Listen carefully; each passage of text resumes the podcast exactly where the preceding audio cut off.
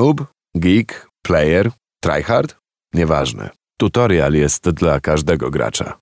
Sobota minęła godzina 16. Kolejne spotkanie z grami komputerowymi na antenie Radia Campus. Startuje tutorial. Kamil Michałowski, zapraszam. Mm, kolejny gość, tak się składa, odwiedził nasze studio. Mm, Daniel Postusiak, cześć, dzień dobry. Cześć, cześć, witam. Będziemy rozmawiać o tytule, który swego czasu wybił się na taki poziom, o którym już w tym momencie mam wrażenie, że wszystkie firmy na świecie marzą, czyli o League of Legends.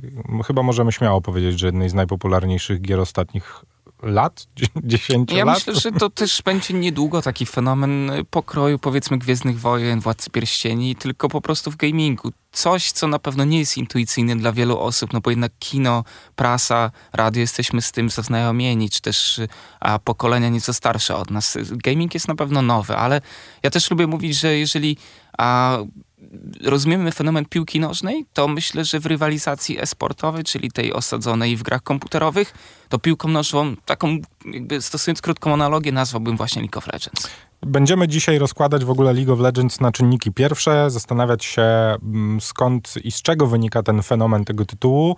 Musimy powiedzieć nieco w ogóle o jakby takim zarysie historycznym, bo o nim już w ogóle możemy mówić. To jest niesamowite, że możemy w kontekście jakiegoś tytułu elektronicznego i w ogóle gamingowego, esportowego, jak zwał, tak zwał, mówić o tym, że to już jest no właśnie, możemy spisywać historię tej to, gry. To już nie? jest ponad 10 lat i to jest na pewno ciekawe, bo już nawet podając taki przyjemny przykład tych gier sportowych, kiedy FIFA powiedzmy wychodzi a co roku nowa, ale, ale też widzimy ile produktów po prostu ma jakąś tam swoją linię życia i ona się kończy, tak?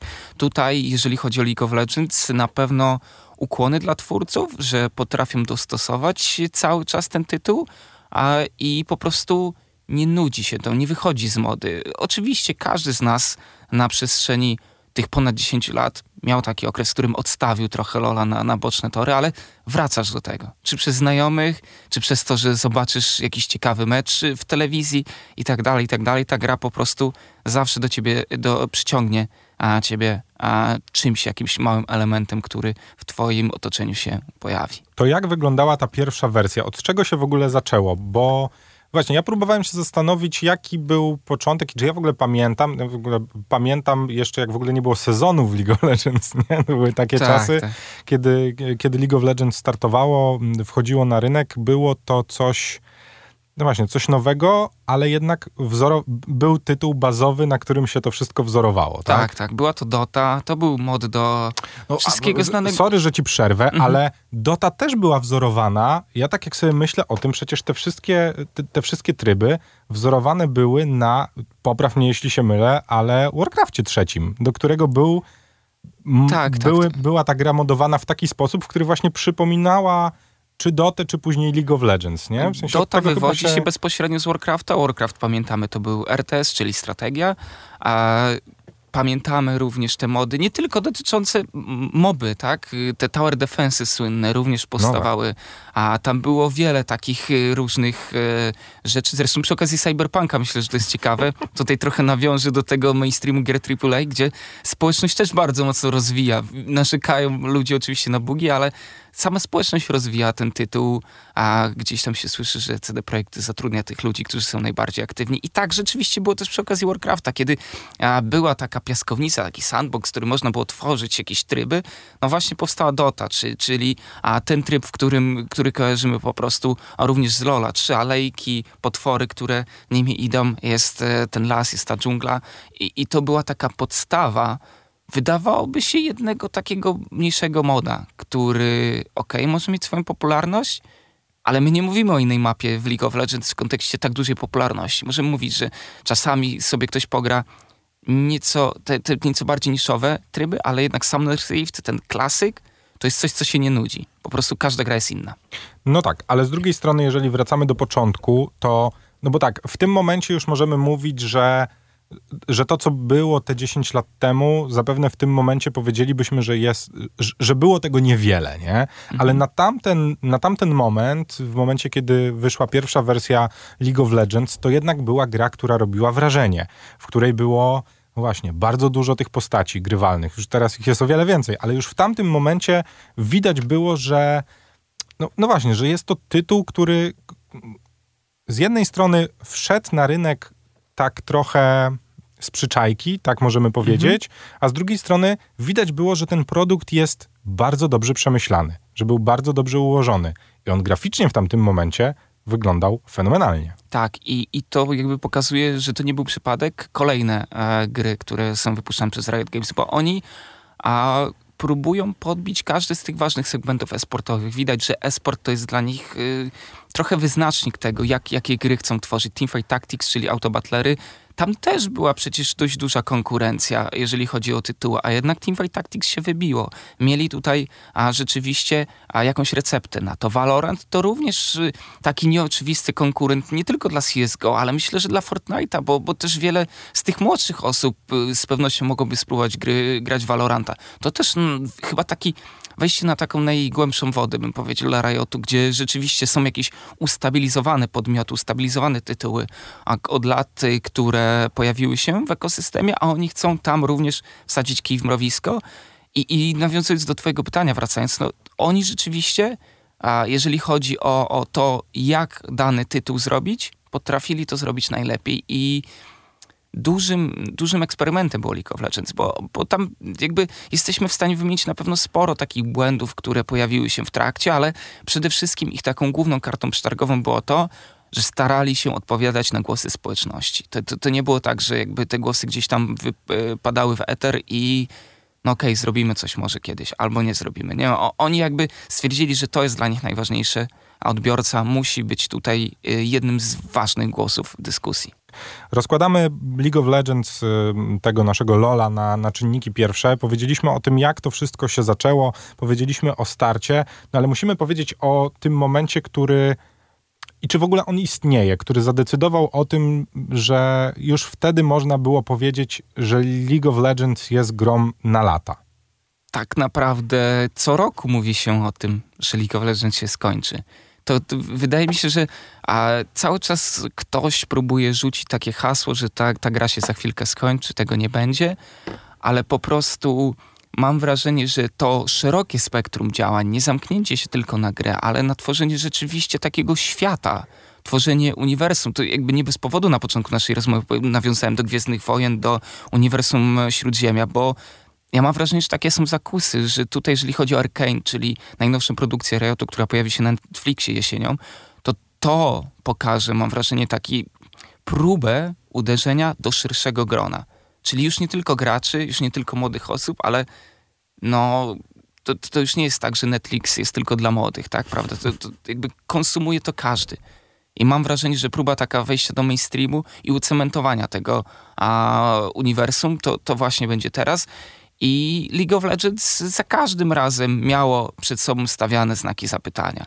Ale po prostu e, dostosowywanie tej gry, ciągłe zmiany. Ja mam wrażenie, że, że to jest najciekawsze, bo możecie nie być kilka miesięcy, nagle zobaczysz totalnie co innego. I zawsze te dyskusje na początku kolejnego sezonu, gdzie są wprowadzane kontrowersyjne bądź, bądź troszkę mniej zmiany, ale to trochę definiuje a też y, jakby cykl życia League of Legends, cykl tego, jakie są zmiany a w tym wszystkim. I póki co mam wrażenie, że z niewielu rzeczy Riot się wycofuje, że po prostu te rzeczy są akceptowane, do tych rzeczy się dostosowujemy.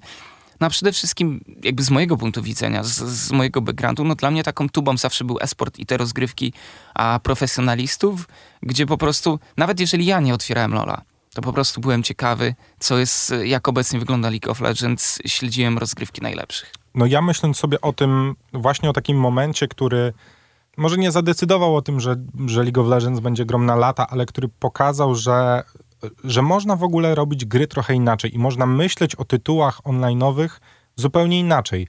To nie jest tak, że dostajemy tytuł, w którym nic nie wolno zmienić, który zawsze musi być taki sam. Okazało się, że gracze właśnie oczekują tego, żeby ta gra nieustannie się rozwijała, nieustannie się zmieniała, żeby, żeby ich ulubiony tytuł, do którego umówmy się w tym momencie, młodzi ludzie zasiadają bardzo często. Jest bardzo duża grupa osób, nie tylko w młodym wieku, ale również y, takich dziadków jak ja, którzy spędzają z tym tytułem każdy dzień.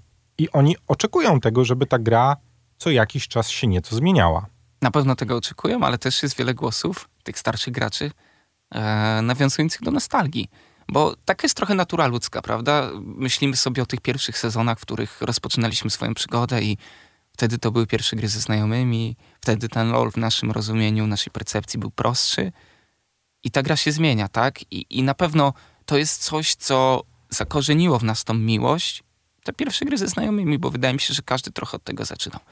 No A tak, te... jeszcze wtedy nie było systemów rankingowych, nie było -hmm. zdobywania kolejnych, kolejnych poziomów i tak dalej, i tak dalej. Wielu, wielu rzeczy wtedy nie dało się w LoLu po prostu zrobić. Teraz tak, ta sytuacja a... wygląda no, zupełnie inaczej. Ale nostalgią człowiek nie będzie mógł y, żyć y, cały czas, dlatego uważam, że te zmiany są po prostu niezbędne i, i często człowiek je wypiera po prostu, często człowiek nie lubi zmian, ale po prostu jakby to, że ta liczba graczy cały czas jest utrzymywana na naprawdę wysokim poziomie, czy to, czy to w naszym kraju, czy, czy to w kontekście światowym, no to to pokazuje, że po prostu robią dobrą robotę, prawda?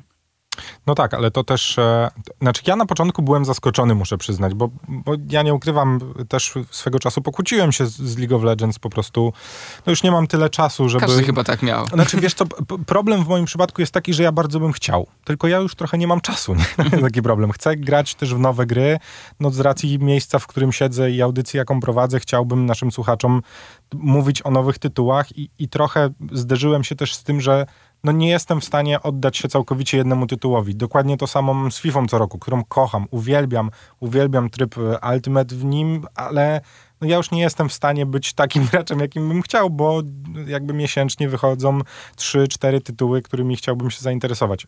Ale z drugiej strony, mimo tego, że jakiś czas temu się z tą grą pokłóciłem, to w momencie, kiedy do niej wróciłem ona się całkowicie, no, no dobra, może nie całkowicie zmieniła, to ja nadal potrafię w nią grać. I to jest też niesamowite. No, że, że mimo tych zmian plus. człowiek jest w stanie nie grać w nią rok, miesiąc, kwartał, dwa lata, wróci do niej i ona nadal będzie dla niego grywalna. I już od początku Riot mówił o tym, że League of Legends jest easy to play, hard to master, prawda? Ale ja mam wrażenie, że to się jeszcze bardziej rozciągnęło. Że teraz po prostu wiele z tych konceptów, o których w ogóle człowiek nie miał pojęcia e, w sezonie trzecim, czwartym, nawet piątym, teraz są rozumiane przez większość graczy. I to w każdej z dywizji. Dlatego mm, ten podstawowy system gry, e, tak jak mówię, no jeżeli mówimy o popularności analogicznej do piłki nożnej, każdy rozumie, jak to wygląda. Ale jeżeli chodzi o właśnie wygrindowanie tego poziomu, wygrindowanie tego sukcesu, to teraz na pewno jest to bardziej frustrujące, bo dużo więcej czasu trzeba poświęcić. Po prostu kiedyś myślał się, no dobrze, no to wbiję tą dywizję, trochę pogram.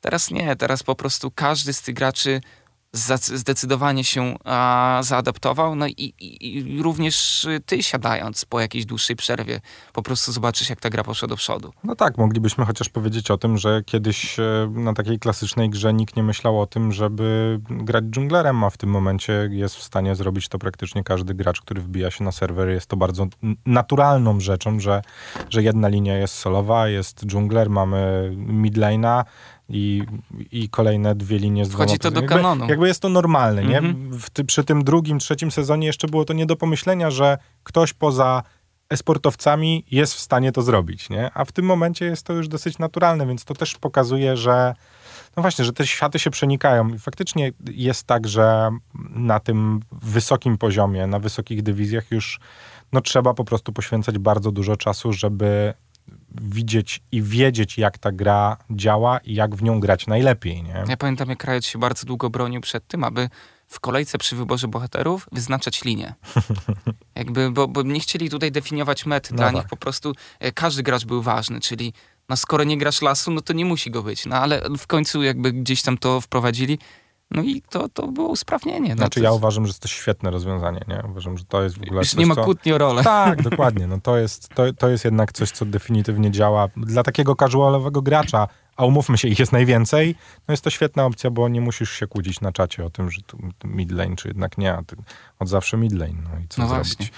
Cały czas w dzisiejszym tutorialu rozkładamy na czynniki pierwsze League of Legends, czyli tytuł, no, jak go określić, no jeden z najpopularniejszych tytułów y, ostatnich lat. I tu Fenomen nie... gier sieciowych, tak bym to powiedział. No. I w sumie to nawet byśmy nie skłamali zbytnio, no bo, bo ja jeśli patrzeć na to, ile ludzi na świecie gra regularnie w League of Legends, to niewiele tytułów jest w stanie się pochwalić takimi liczbami. Ja wiem, że gracze PC-towi to nawet w pewnym okresie w Polsce to ponad 50% graczy mhm. komputerowych y, stricte e, zagrał chociaż raz Lola w miesiącu, prawda? E, jestem ciekawy, jakby takie badania przeprowadzić odnośnie wiedzy na temat, jakby pokazać po prostu logo League mhm. of Legends i, i czy kojarzysz to? Wiesz, no to też jest już taka dyskusja. Słuchaj, możemy mówić o tym, że są ludzie, którzy połowę swojego życia spędzili z League of Legends. I to, I to są ludzie, którzy w tym momencie no, zaczynają pierwszą pracę, nie? To są ludzie, którzy kończą studia, no bo zaczęli grać jak mieli 10 lat, teraz mają 20. Ja wiesz, ja słyszałem o przypadkach typu 7-8 lat, prawda? To, to no. są też profesjonalni zawodnicy, którzy w tym wieku zaczynali grę, a teraz y, to jest ich patent na życie. Ja oczywiście nie chcę tutaj gloryfikować bycia esportowcem, bo uważam, że to jest bardzo trudne.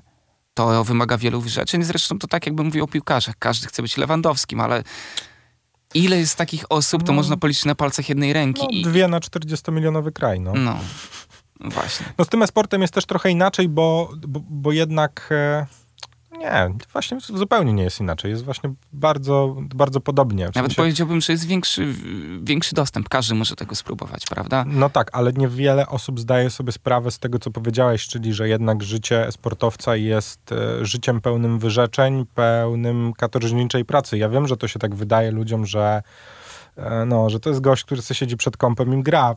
Wcale tak nie jest, a w tym momencie mówimy o tym, że są to ludzie, którzy spędzają dziennie kilka godzin na graniu.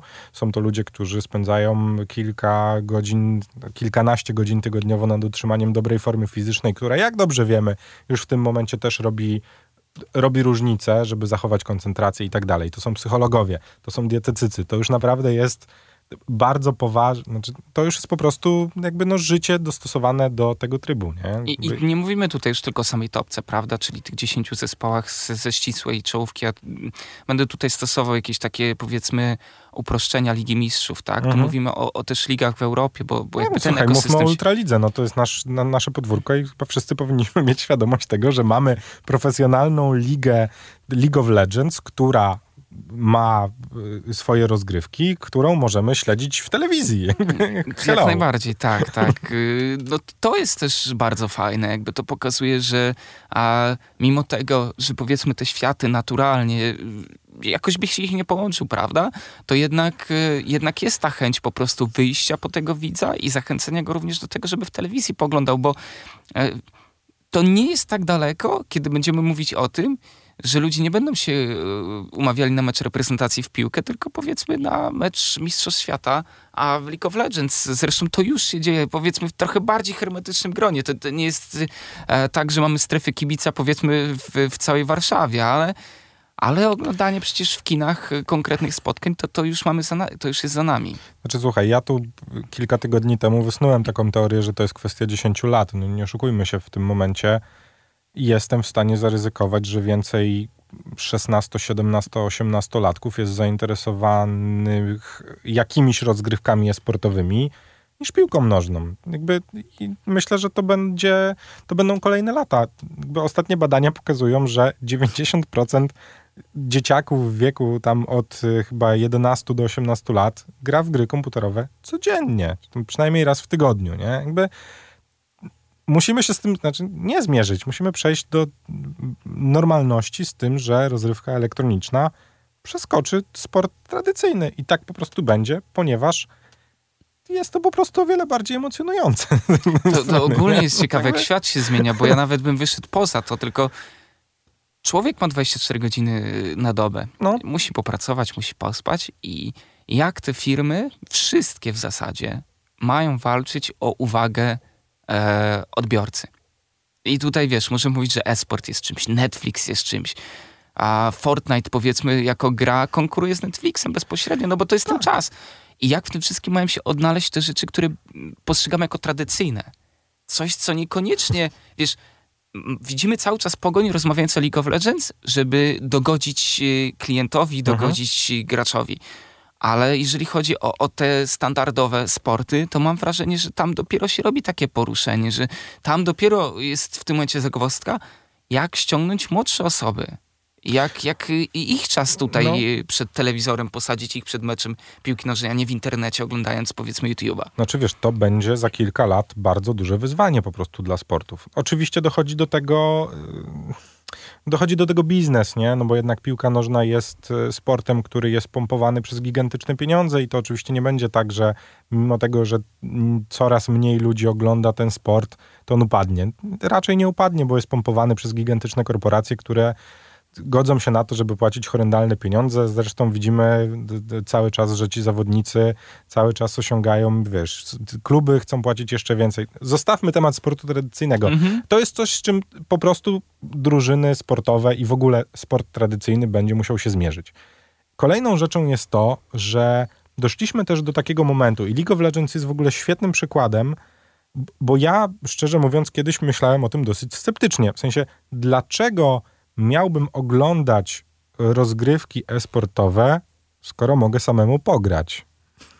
Wiesz, to też jest niesamowite, że ja już rozmawiając z młodszymi ludźmi, dla nich jest to całkowicie naturalne. Oni oglądają mecze sportowe, kropka. Dla nich nie jest to jakby, wiesz, nie szukają tam niczego. Oczywiście pe pewnym aspektem jest to, że podpatrują lepszych graczy. Bo, bo to jest taki intuicyjny e, powód. Dlaczego chcesz oglądać ich? Bo chcesz być lepszy.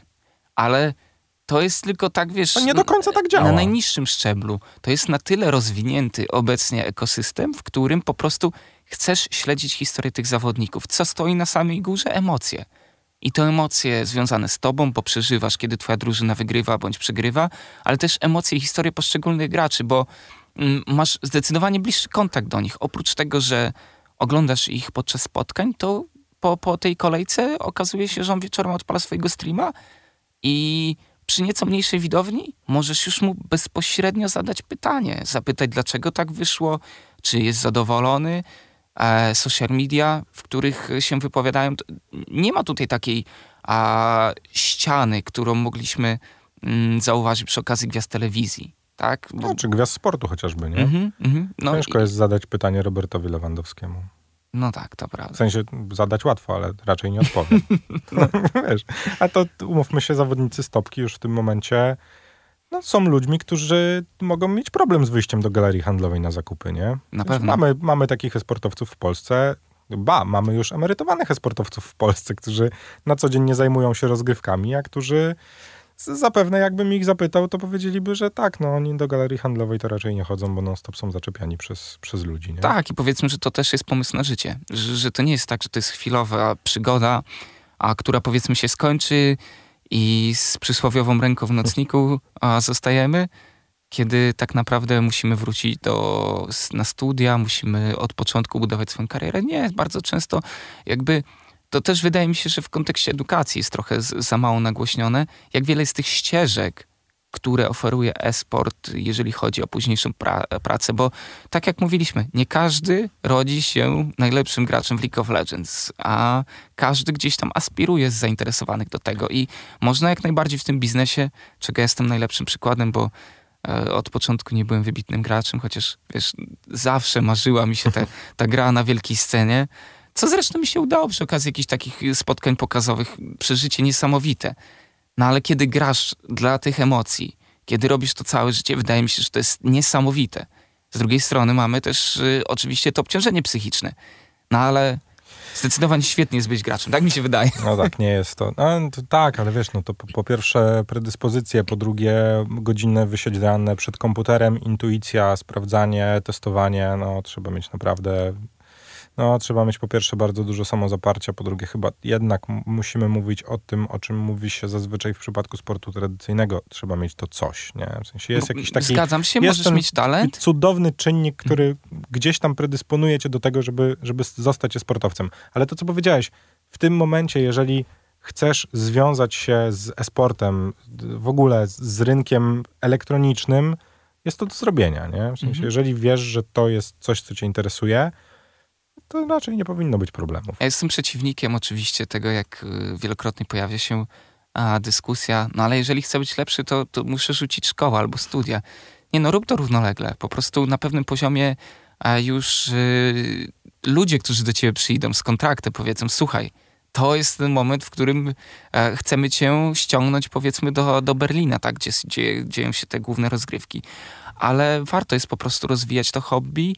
E, studia, szkoła to jest ten czas, w którym mamy trochę więcej na rozwijanie właśnie swoich zainteresowań co w moim przypadku po prostu przekuło się w pomysł na, na życie zawodowe, a, bo, bo oczywiście ten czas wolny na studiach właśnie inwestowałem w to, żeby chociażby tutaj móc y, porozmawiać trochę o League of Legends. No, ale to też pokazuje, że jakby jest to dla ciebie bardzo naturalne, bo bardzo dobrze znasz ten tytuł, nie? I to mhm. też jest e, coś, co co pokazuje, że no po prostu, po pierwsze, jeżeli się czymś bardzo mocno interesujesz, to, to da się znaleźć ścieżkę, w której można się potem spełnić. Musimy powiedzieć też o tym, co jest dookoła League of Legends, bo w ogóle, no, no oczywiście mówienie o tym, że jest to tytuł y, gamingowy, w którym można sobie zagrać, dodatkowo do Za tego... darmo dodałbym darmowy, w który tak na dobrą sprawę i jeszcze do tego wszystkiego dochodzi to, że jego wymagania sprzętowe nie są jakieś niesamowite, więc jest on dostosowany do bardzo dużej grupy graczy. W sensie... ba bardzo ważna uwaga. Celowo o tym powiedziałem, bo na rynku polskim na pewno jest to niezwykle ważne, żeby przebić się jako, jako gra. Po pierwsze, gra, którą, do której dostępność jest bardzo łatwa. Po drugie, w tym momencie, no nie oszukujmy się, gama produktów, które obudowują, no bo powiedziałeś e, o kilku tytułach, które towarzyszą mm, temu głównemu. Wyszła ostatnio w ogóle wersja mobilna League of Legends, która jest w ogóle niesamowicie grywalna. Jestem przerażony tym, że, że da się na telefonie komórkowym zrobić dobrą grę darmową, bo oczywiście mhm. płatnych tytułów mobilnych też jest całe mnóstwo. I wszystko to obudowane jest jeszcze rysem, nazwijmy to historycznym tej gry, czyli dorabianiem każdej postaci historii, pokazywaniem tego, jaki jest ten świat, dawanie graczom możliwości, no właśnie, budowania uniwersum League of Legends. Ten słynny lore, tak? To, to, to co stoi za każdą z tych postaci. Mam wrażenie, że to było przez długi czas bagatelizowane przez graczy, ale też y, niekoniecznie Riot kładł na to nacisk. Jakby mam tak, wrażenie, no, że... Bo na początku mieliśmy tylko taki, wiesz, czy tam trzy czy cztery zdania o każdej postaci, żebyśmy mieli jasność Budowaliśmy sytuacji. fenomen gry, nie uniwersum. I to się teraz zmienia. Bardzo fajnie, że to zaznaczyć, bo mam wrażenie, że to jest ten przełomowy rok, kiedy widzimy również a, dużo więcej działań związanych z tym, aby nie tylko wiedzieć, jakie ta postać ma umiejętności, ale jaki ma charakter, kto jest siostrą, kto jest bratem, z, z jakiego świata pochodzą. Jak zdobyła swoje umiejętności. Mhm. To jest, wiesz, jakby to jest też fajne, bo, bo pokazuje, że no właśnie, gra komputerowa, która na początku była w pewien sposób eksperymentem, rozwinęła się do tego stopnia, że być może będziemy kiedyś o niej mówić, no właśnie, jako o fenomenie pokroju, nie bójmy się tego Star Warsów, nie wiem, no Wiedźmin jeszcze trochę mu daleko do tego momentu, ale no nie wiem, Lord of the Ring, nie? Mhm. Czyli, czyli miejsce, uniwersum, które trochę żyje własnym życiem, które jest po prostu napakowane tak, że nigdy nie będziesz w stanie zgłębić go w całości. Ale to pokazuje też, że gracze, którzy no właśnie, trywialnie rzecz biorąc, zasiadają przed swoim komputerem i grają w grę komputerową, chcą więcej chcą więcej, chcą poznać te wszelkie zakamarki, chcą konsumować treści związane z tym światem na różne sposoby. Bo to e, nawet tak naprawdę karcianka, która Legends of Runeterra, o której się nie mówi za mocno, jest też dobrym produktem. Po prostu, a same karcianki troszkę wyszły z mody, ale zakładam, że jest wielu, wielu ludzi, którzy po prostu siądą, skleją sobie deki, pograją. I, I to też jest kolejny element uczestniczenia w tym świecie, niezwykle kolorowym, niezwykle bajkowym, ale też mam wrażenie, że dla każdego ciekawym.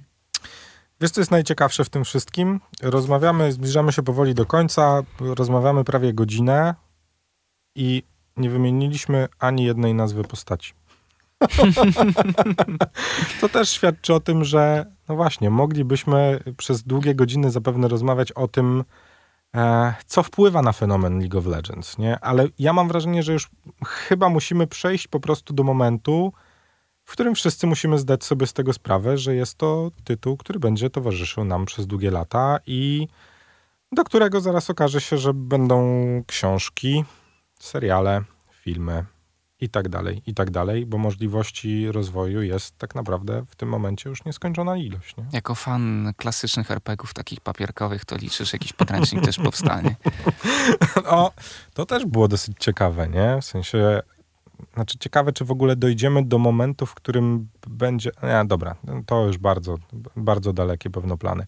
Ale to też jest ciekawe, że, że to jest też tytuł, w którym teoretycznie przejmujesz postaci, nie? W sensie nie masz możliwości wykreowania swojego bohatera, co wydawało się kiedyś dosyć naturalne, nie? Że każdy chce mieć swój awatar.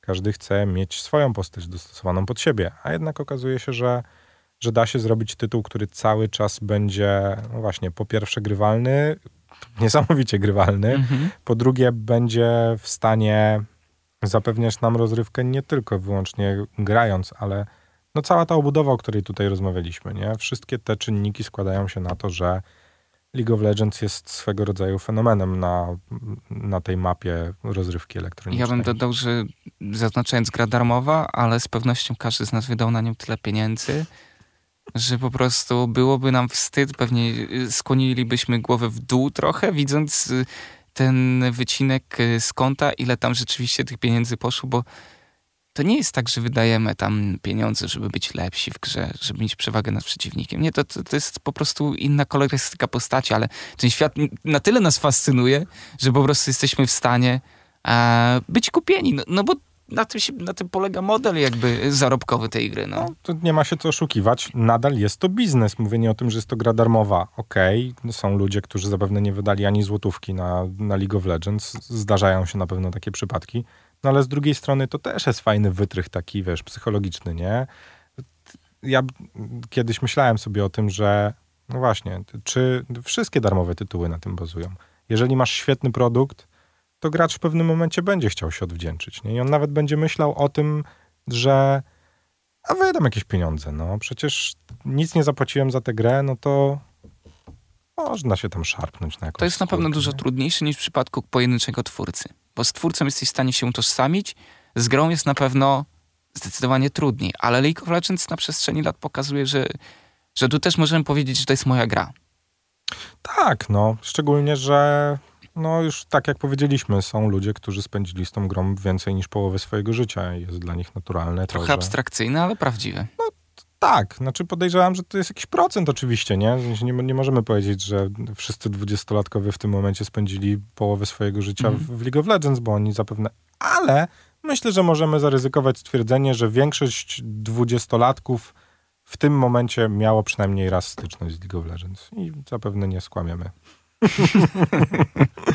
no będziemy obserwować, jak to dalej wszystko będzie się rozwijać. Oczywiście czekamy z utęsknieniem na produkcję Netflixową, która już przed Mm. nami. No, niedługo, niedługo. Jeszcze w tym roku. Będziemy, będziemy obserwować to, jak Liga, fu, jak League of Legends się zmienia. A to też ciekawe, już możemy mówić o Lidze Legend, nie? Mm, Myślę, że tutaj nie ma, nie ma żadnego problemu. Jeżeli jako anegdotkę mogę tylko powiedzieć, że komentując gry, rozgrywki e-sportowe, mieliśmy zawsze dylemat. Język polski, język angielski. Nie ma tutaj przełącznika na zasadzie tylko ten język używamy do nazywania przedmiotów i umiejętności, albo tylko ten, czy, czy powiedzmy a, pewnych terminów w grze. Po prostu to jest na tyle płynne, na tyle język ewoluował, jeżeli chodzi o gry, że po prostu tutaj a, jest to bardzo płynne. Zachęcamy do, no właśnie, być może do powrotu, do delikatnego romansu z League of Legends, bo to nadal jest świetny tytuł, bardzo mocno grywalny, z którym, tak jak powiedzieliśmy, można sobie czasem zrobić przerwę, ale zawsze gdzieś będzie ta chęć obserwowania tego, co tam się dzieje, no bo jest to już po prostu fenomen na rynku y, gier komputerowych. Daniel Pastusiak był moim gościem na antenie Radia Campus. Bardzo Ci dziękuję. Dziękuję również. Tutorial. Audycja dla graczy.